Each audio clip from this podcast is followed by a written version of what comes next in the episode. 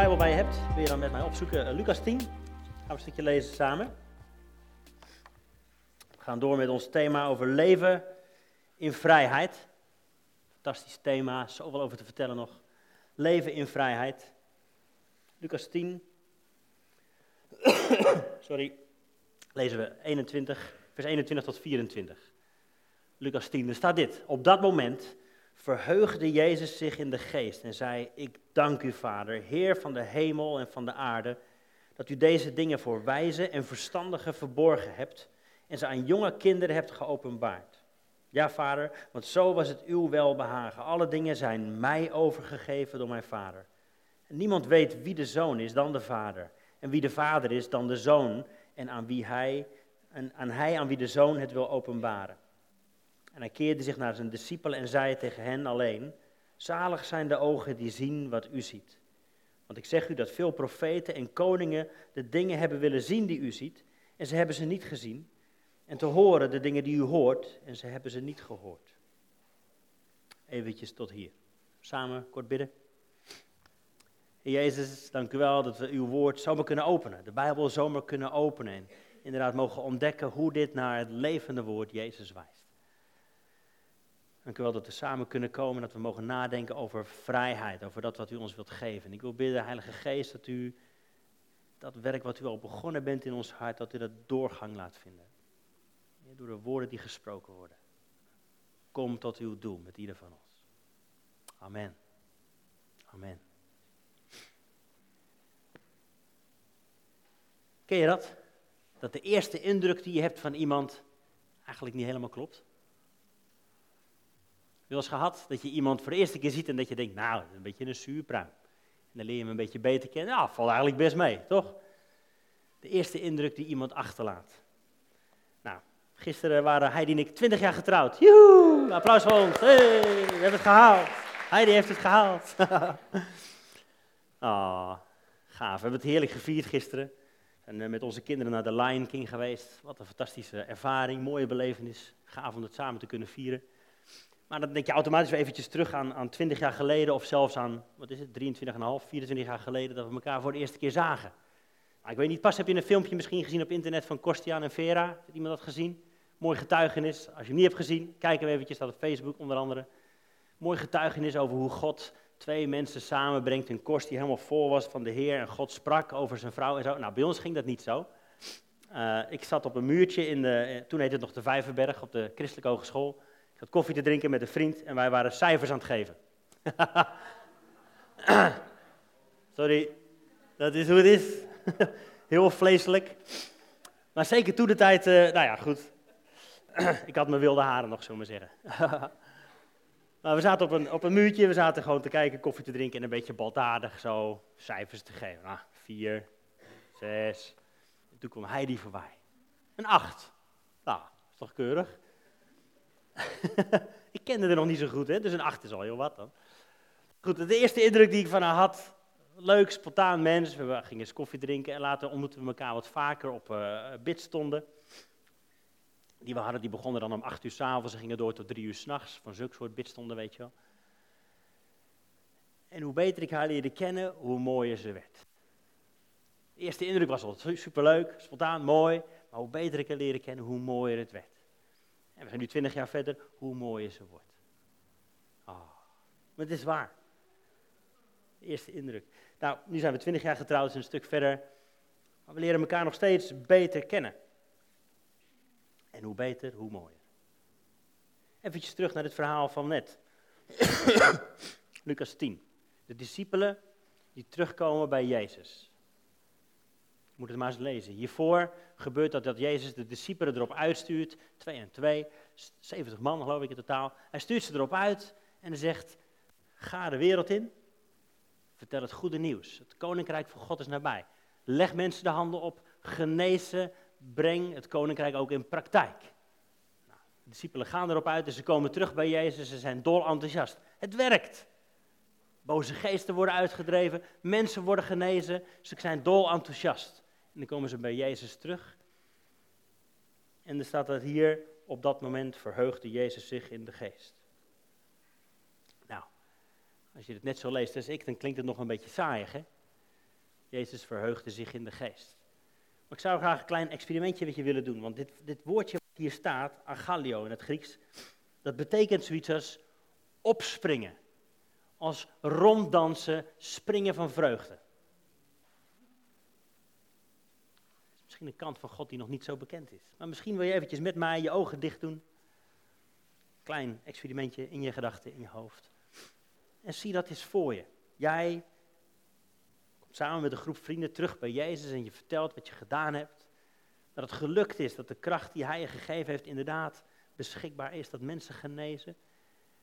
En Jezus zit daar te wachten tot je terugkomt. En als je hem dit vertelt, dan springt hij op.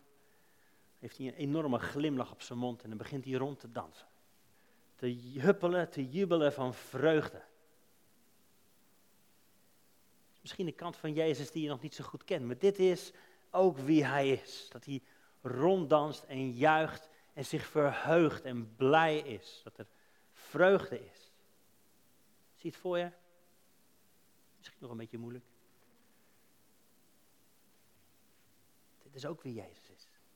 Jezus verheugt zich. Hij is blij, hij juicht. Misschien een kant van God, die mag je ook weer open doen, die nog niet zo bekend is. Maar die ook helemaal bij hem past. Net zoals dat ik zeg, hoe beter ik hij die leert kennen, hoe mooier ze wordt. Hoe beter je God leert kennen, hoe meer kanten je van hem leert kennen, hoe mooier het wordt. En dit is ook een kant, en hier wil ik het onder andere vandaag over hebben, een vreugdevolle, juichende, blije kant van God. Het is niet nieuw. Onder andere in Stefania staat dit Bijbelvers. De Heer, je God, zal in je midden zijn. Hij is de held die je bevrijdt. Hij zal vol blijdschap zijn, verheugd over jou. In zijn liefde zal hij zwijgen. In zijn vreugde zal hij over je jubelen. Wauw, dit is de kant van God die we misschien helemaal niet zo goed kennen. Ik weet niet wat jouw beeld van God is. Dat was eerder gezegd, meestal is het een beetje van nou, ja, er is een zooitje van gemaakt, dan gaat het maar weer opknappen of zo. Dat God zo naar je leven kijkt. Maar dat hij hier over je zegt, ik juich over je, ik ben blij over je, ik jubel over je. Dit is vreugde, blijdschap, Jezus die rondhuppelt van vreugde. Eerder gezegd, als je wilt weten hoe God eruit ziet, kijk naar Jezus. Kijk naar hoe hij doet, naar wie hij is. En hij huppelt hier rond van vreugde. Jezus verheugt zich in de geest. Hij is blij. Er is blijdschap, er is vreugde.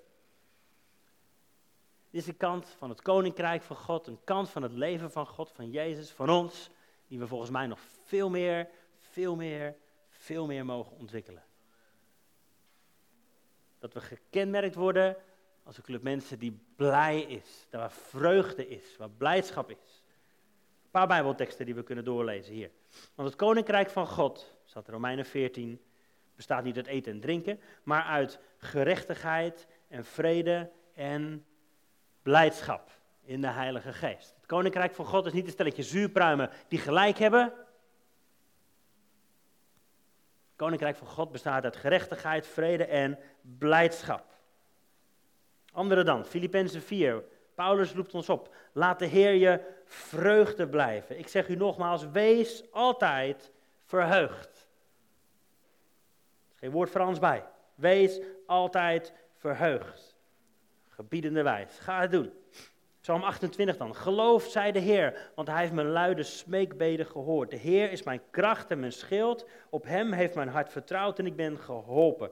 Daarom springt mijn hart op van vreugde en zal ik hem met mijn lied loven. Het is gewoon heel luid, uiterlijk zichtbaar aanwezig. Er is vreugde, er is blijdschap. Ander verhaal, Nehemia 8, moet je ook maar eens lezen. Wees niet bedroefd, want de vreugde des Heren, staat daar, dat is uw kracht. De vreugde des Heer, dat is je kracht. Het leven in Gods koninkrijk, onder Gods heerschappij, mag gekenmerkt worden door vreugde, door blijdschap. Wauw. Vreugde, een paar dingen die vreugde niet is. Vreugde is nooit oppervlakkig of afhankelijk van omstandigheden. Het is ook niet jezelf verliezen in zelfgerichtheid. Het gaat allemaal over mij. Het gaat ook niet over entertainment. Vermaak me maar. Vreugde is dat je je bron en je kracht vindt in wie God is. In zijn waarheid over jou, over jouw leven, over jouw situatie, over deze wereld. Vreugde is ook een motivatie om uit te delen. Vreugde is altijd zichtbaar en stroomt naar anderen toe. vreugde. Zullen we gekenmerkt worden door vreugde? Ken je dat van die mensen, als die ergens binnenkomen, die brengen meteen een glimlach op iemands gezicht. Wees zo iemand. Wees niet iemand die vreugde wegzuigt. Wees iemand, wees als een bron van vreugde. De bron van vreugde woont in ons. Amen. De Heilige Geest woont in ons. Het leven van God stroomt in ons en door ons heen. Zullen wij mensen zijn die, als we ergens binnenkomen, dat de atmosfeer verandert. Dat er een, een glimlach komt, dat je de glimlach brengt op iemands gezicht. Dat is onze roeping. Ik zei al, niet om gelijk te hebben, om discussies te winnen over het woord. Nou ja, oké. Zullen we vreugde brengen daar waar we komen. Dat is hoe we geroepen zijn, dat is hoe we gemaakt zijn. En natuurlijk zijn er obstakels voor vreugde. Die kennen we allemaal. Ik las net teksten voor, maar bijvoorbeeld Romeinen 14. Dan ging het over ruzietjes om uiterlijke dingen, over eten of drinken. Wat mag je wel, wat mag je niet? En voor je het weet zit je helemaal verstrikt in wel eens, niet eens, goed, fout, links, rechts, binnen, buiten. Dat is niet wat het koninkrijk is. Het kan wel een obstakel zijn. Als je graag gelijk wilt hebben, je gelijk wilt halen, discussies wilt winnen, dat is een obstakel voor vreugde. Daardoor stroomt het weg. Leef je niet vanuit vreugde, maar vanuit een verkrompen geest. Ander obstakel voor vreugde is, dan lezen we Filippenzen 4, lazen we net, dat Paulus zegt, wees altijd blij, wees altijd verheugd. Weet je waar hij zat toen hij dat schreef? Vastgeketend in de gevangenis. Omstandigheden kunnen obstakels zijn voor je vreugde. Omstandigheden, de dingen die nu niet goed gaan, waar je aan vastzit, kunnen een obstakel zijn. Maar het is nooit je bron, maar als je je daarop gaat richten, ben je het zo kwijt. Als Paulus elke dag wakker was geworden en had gekeken naar de kettingen aan zijn handen en aan zijn voeten. Oh Heer, waarom, waarom, waarom? Dan was zijn vreugde weggeëpt. Maar hij draait het om. Bron diep in hem. Of de omstandigheden dan nog goed of mooi of fijn zijn of niet. Psalm 28, ook zo'n tekst. Die oproept, mijn hart springt op van vreugde. Maar een paar versen daarvoor gaat het al alleen maar over hoe mensen je aanvallen terecht of onterecht, met hun meningen, met hun beschuldigingen, met hun wijzende vingers. Ze vallen je aan. Ken je dat? Dat je gaat aantrekken wat mensen over je vinden, wat mensen over je zeggen. Iedereen heeft altijd wel een mening ergens over. Maar als je je gaat aanpassen, als je gaat verkrampen, als je je anders gaat voordoen, als je anders gaat leven, omdat misschien mensen wel iets over je denken, ebt je vreugde weg. Is een obstakel. Weg ermee. Zijn we niet voor geroepen obstakels, uiterlijke dingen, omstandigheden, aanvallen van mensen, maar ook Nehemia 8. Dat verhaal dat het volk weer terugkomt en, en de muur begint te bouwen. Pardon. En uiteindelijk lezen ze de wet weer. Ze lezen weer de woorden van God en ze krijgen spijt en berouw. En oh God, we hebben het allemaal verknald, we hebben het niet goed gedaan. En dat ze opgeroepen worden, stop met treuren, want de vreugde des Heer is je kracht. Ik weet niet waar je allemaal spijt over hebt. Natuurlijk zijn er dingen die je niet goed gedaan hebt. En natuurlijk is het logisch dat je er spijt en berouw over hebt. Maar als je erin blijft hangen. Ah, ken je dat? Die mensen die twintig jaar na dato nog steeds. Ja, maar toen heb ik iets verkeerd gedaan. Nu, uh, stop ermee. We zijn niet geroepen om in berouw te blijven leven. In het Engels een hele mooie, mooie uitspraak. Build a bridge and get over it. Oftewel, bouw een brug, stap er overheen, het ligt achter je. Nou, gisteren waren we bij The Lion King. It's in the past. Het ligt achter je. Kijk vooruit. Want de vreugde des Heer is je kracht. Vreugde is een roeping voor jou en mij. Het is een belofte die we mogen vastpakken, maar er zijn obstakels. Vandaag wil ik eigenlijk kijken naar één belangrijk obstakel. We hebben het gehad over leven in vrijheid. En daar hoort vreugde helemaal bij. Dus vrijheid, vreugde, maar een belangrijke sleutel waar ik nu naar wil kijken is vergeving. Is vergeving. Belangrijk. Ook voor Jezus. Zelfs in het gebed wat Hij ons leert. Onze Vader die in de hemelen zijt, uw naam worden geheiligd, uw koninkrijk komen, uw wil geschieden, zoals in de hemel, zo ook hier op aarde. Geef ons heden ons dagelijks brood. En dan middenin, en vergeef ons onze schulden, zoals ook wij onze schuldenaren vergeven. En leid ons niet in verzoeking, maar verlos ons van de boze, want van u is het koninkrijk en de kracht en de heerlijkheid tot in eeuwigheid. Amen. En meteen daarna staat, want als u de mensen hun overtredingen vergeeft, zal uw hemelse Vader u ook vergeven. Maar als u de mensen hun overtredingen niet vergeeft, zal uw Vader uw overtredingen ook niet vergeven. Oeh, ik wist niet dat dat er meteen achteraan kwam. Dat staat er toch. Voor Jezus is vergeving een belangrijke sleutel. Een belangrijke sleutel. In Lucas 6, ik ga nu niet lezen in verband met tijd, 27 tot 37 staat een fantastische, dan noemen we het de levenslessen van Jezus. Doe dit en leef. Dat stukje eindigt hiermee. Oordeel niet en u zult niet geoordeeld worden. Veroordeeld niet, u zult niet veroordeeld worden. Laat los en u zult losgelaten worden. Wat is de sleutel? Laat los en je zult losgelaten worden.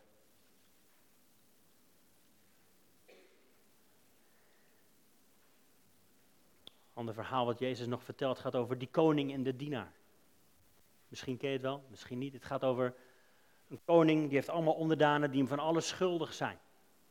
Eentje is er misschien wel 100.000 euro schuldig. En die dienaar komt bij de koning en zegt: Koning, ik kan het niet terugbetalen. De koning zegt: heeft, heeft compassie met die man en zegt: Weet je wat, de schuld is, is betaald. Laat maar zitten, het is goed zo. Die 100.000 euro, het is oké. En deze dienaar is, blij en, gaat naar buiten. En dan komt hij iemand tegen die hem een tientje schuldig is. En hij grijpt hem aan en zegt: hey, ik krijg nog een tientje voor jou. En als de koning dat hoort, wordt hij boos. Ja, wat maak je me nou? Ik vergeef je 100.000 euro aan schuld en jij gaat zitten zeuren over een tientje. Nu wil ik dat je die 100.000 euro terugbetaalt ook. Dit is hoe onder andere gekeken wordt naar, naar vergeving. Het is zo'n sleutel. Zo'n sleutel om vrij te komen. het is geen wet of een regel. Dit is een wetmatigheid. Dit is hoe het werkt in het koninkrijk. Laat los en wordt losgelaten. Laat los en wordt losgelaten. Ik wil het kort illustreren. Misschien ken je dat van die situaties in je leven. Nou, hier, hier is een situatie in ons leven. Van die situaties waar je niet voor gekozen hebt. Die situaties waar je in één keer in verzeild raakt. Door, door toedoen van iemand anders of misschien door je eigen keuzes, weet ik niet. Maar situaties in je leven waar in een keer pijn in komt. Of verdriet in komt. Of schaamte. Of boosheid. Wraakgevoelens. Van die situaties waar je in één keer in zit. En waar je die pijn voelt. Waar je schaamte voelt. En waar je aan vast zit. En op een of andere manier kom je niet meer uit die situatie. Je zit vast. En waar je ook naartoe gaat, je, je zit vast. En, je wilt wel verder, maar het lijkt wel of je die last altijd met je meedraagt. Je komt gewoon niet meer uit die situatie. En, en, natuurlijk kun je net doen alsof het er niet is. En je komt best wel een eentje verder. Je kunt best wel nieuwe dingen gaan, gaan aanpakken. Maar om de zoveel tijd voel je weer, het komt weer naar boven. Die situatie, het laat me niet los. Het laat me niet los. Ik ben toch, ik ben toch geboren om in vrijheid te leven, God. Er, is toch vreugde beschikbaar voor mij. Je komt niet los. En er zijn best wel stappen die je kunt maken. En, je bent toch gedoopt en, en, je hebt toch je keuzes gemaakt en, en, je doet toch je dingen. Ergens zit je vast aan, aan die situatie, aan die boosheid die er nog is. Aan de schuld die je misschien zelf ervaart, aan de, aan de schaamte die je ervaart. Aan de pijn die er is en die, die logisch is, natuurlijk. Maar je komt niet verder, je bent niet echt vrij. kunt wel stappen zetten. Maar je bent niet echt vrij, want je zit vast aan die situatie. Ik weet niet wat jouw situatie is. Ik weet niet wat iemand jou heeft aangedaan. Zonder je eigen schuld. En toch, het is niet jouw schuld en toch zit je vast. En ervaar je nog steeds die pijn die diep in je zit. Nog steeds het verdriet, nog steeds die schaamte of die schuld die in je zit. Terwijl God zegt, je bent vrij, ik wil je vrij maken. Dat is je roeping. Je bent geboren om in, in vreugde en in vrijheid te leven. Dat is hoe ik je gemaakt heb. En dit is de sleutel die Jezus je geeft. Laat los en je zult losgelaten worden. En dit is wat er gebeurt, geloof ik, als Jezus in je hart komt, als Jezus in je hand komt.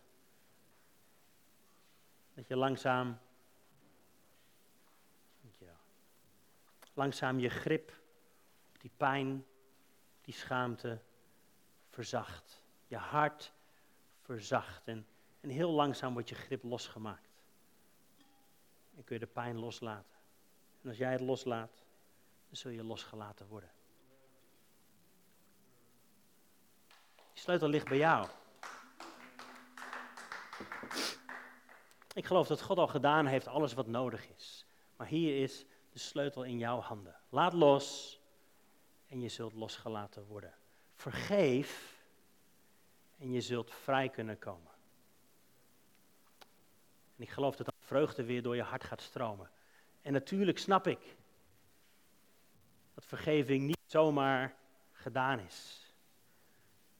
En dat er nog steeds pijn is, nog steeds boosheid.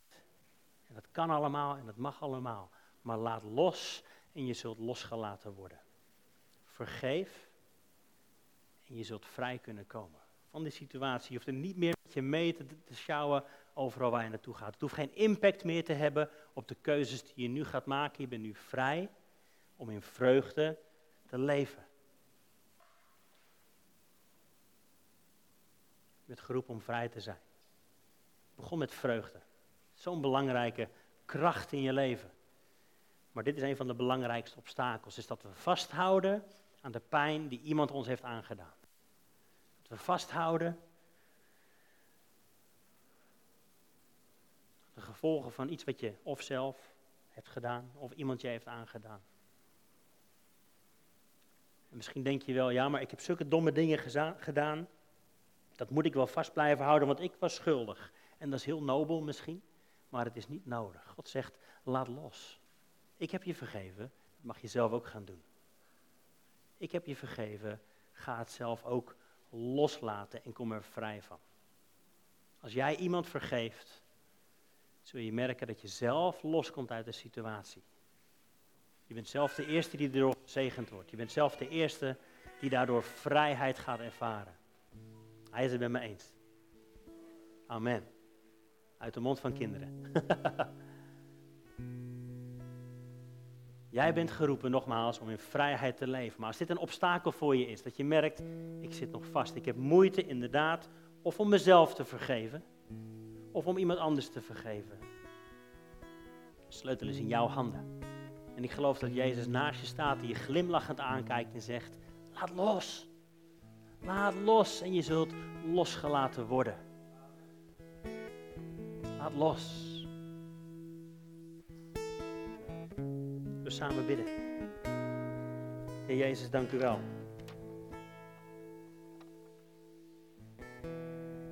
Dank u wel dat u alles gedaan heeft om ons vrij te maken. Dat u alles gedaan heeft om, om vreugde in ons uit te storten. En dat u ons helpt om vrij te worden.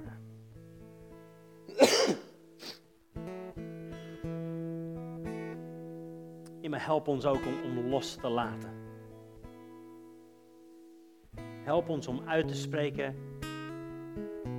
Dat is me aangedaan, maar ik vergeef het. Ik laat het los. Ook al voel je nog niks. U helpt ons daarbij. U helpt ons erbij om beslissingen te maken die leiden tot vrijheid.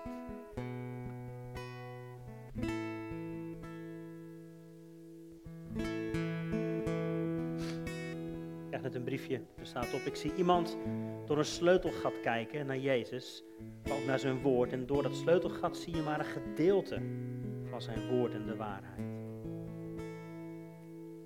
Misschien is dit de sleutel voor jou. Laat los en de deur zal voor je opengaan. God is aan beide zijden van de deur, staat hier. In zowel jouw situatie, nu voor deze deur, als ook daarna. God is altijd bij je. Je hoeft niet bang te zijn als je meer waarheid gaat zien. Maar jij mag de keus maken of de deur open of dicht gaat. God wil jou in zijn vrijheid en waarheid laten leven met jezelf en met anderen en met Jezus. Dat is Gods verlangen voor je. Zullen we gaan staan?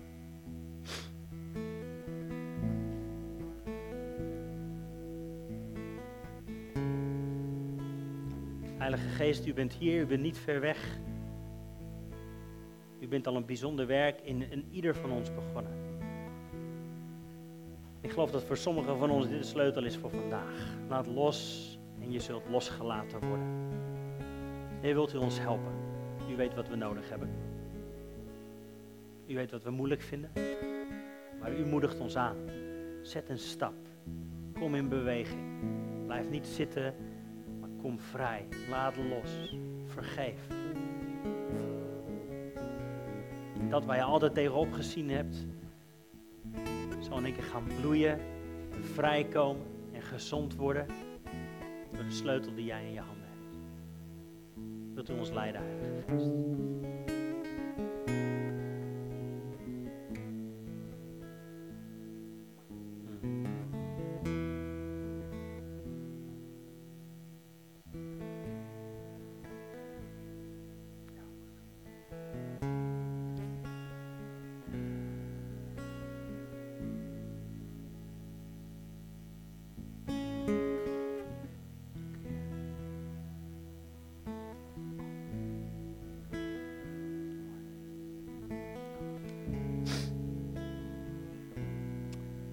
Yes.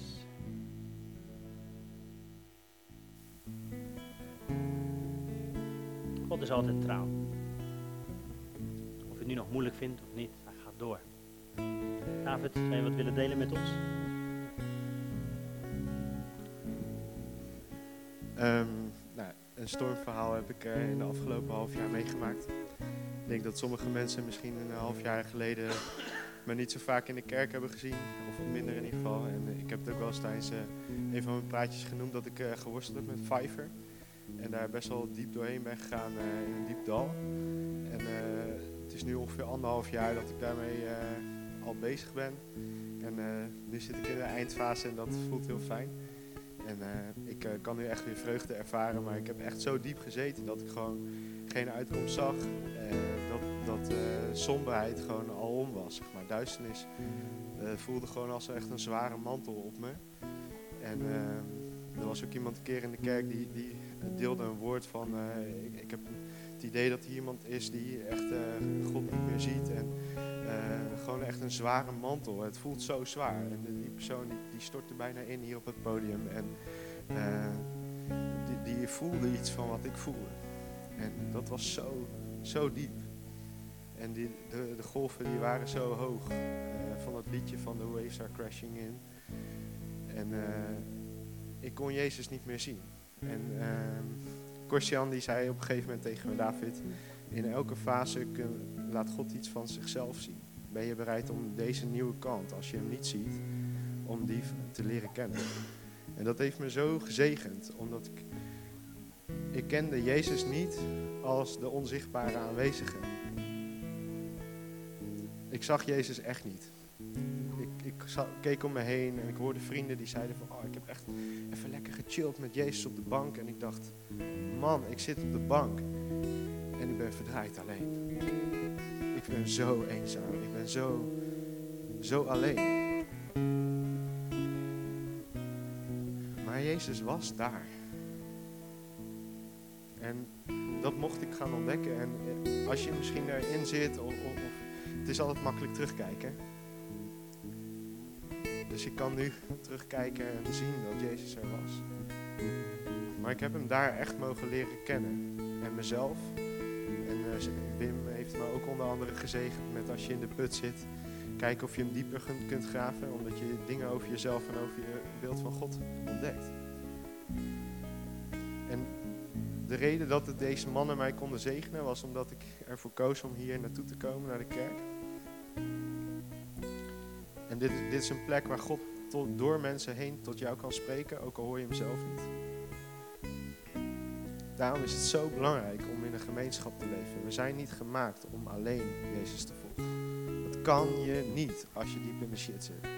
Sorry, het mag in de kerk niet, maar dat voel je soms wel zo. Je bent niet gemaakt om alleen Jezus te volgen. Zit je hier diep, diep, diep? Is het duister? Is het gewoon echt? Is er geen uitzicht? Blijf hier komen, ook al is het zo moeilijk. Want je geeft God een kans om je te zegenen. Ook al voel je het niet, ook al zie je het niet, laat je dan helpen. Er zijn hier mensen die het wel zien, er zijn hier mensen die het wel voelen.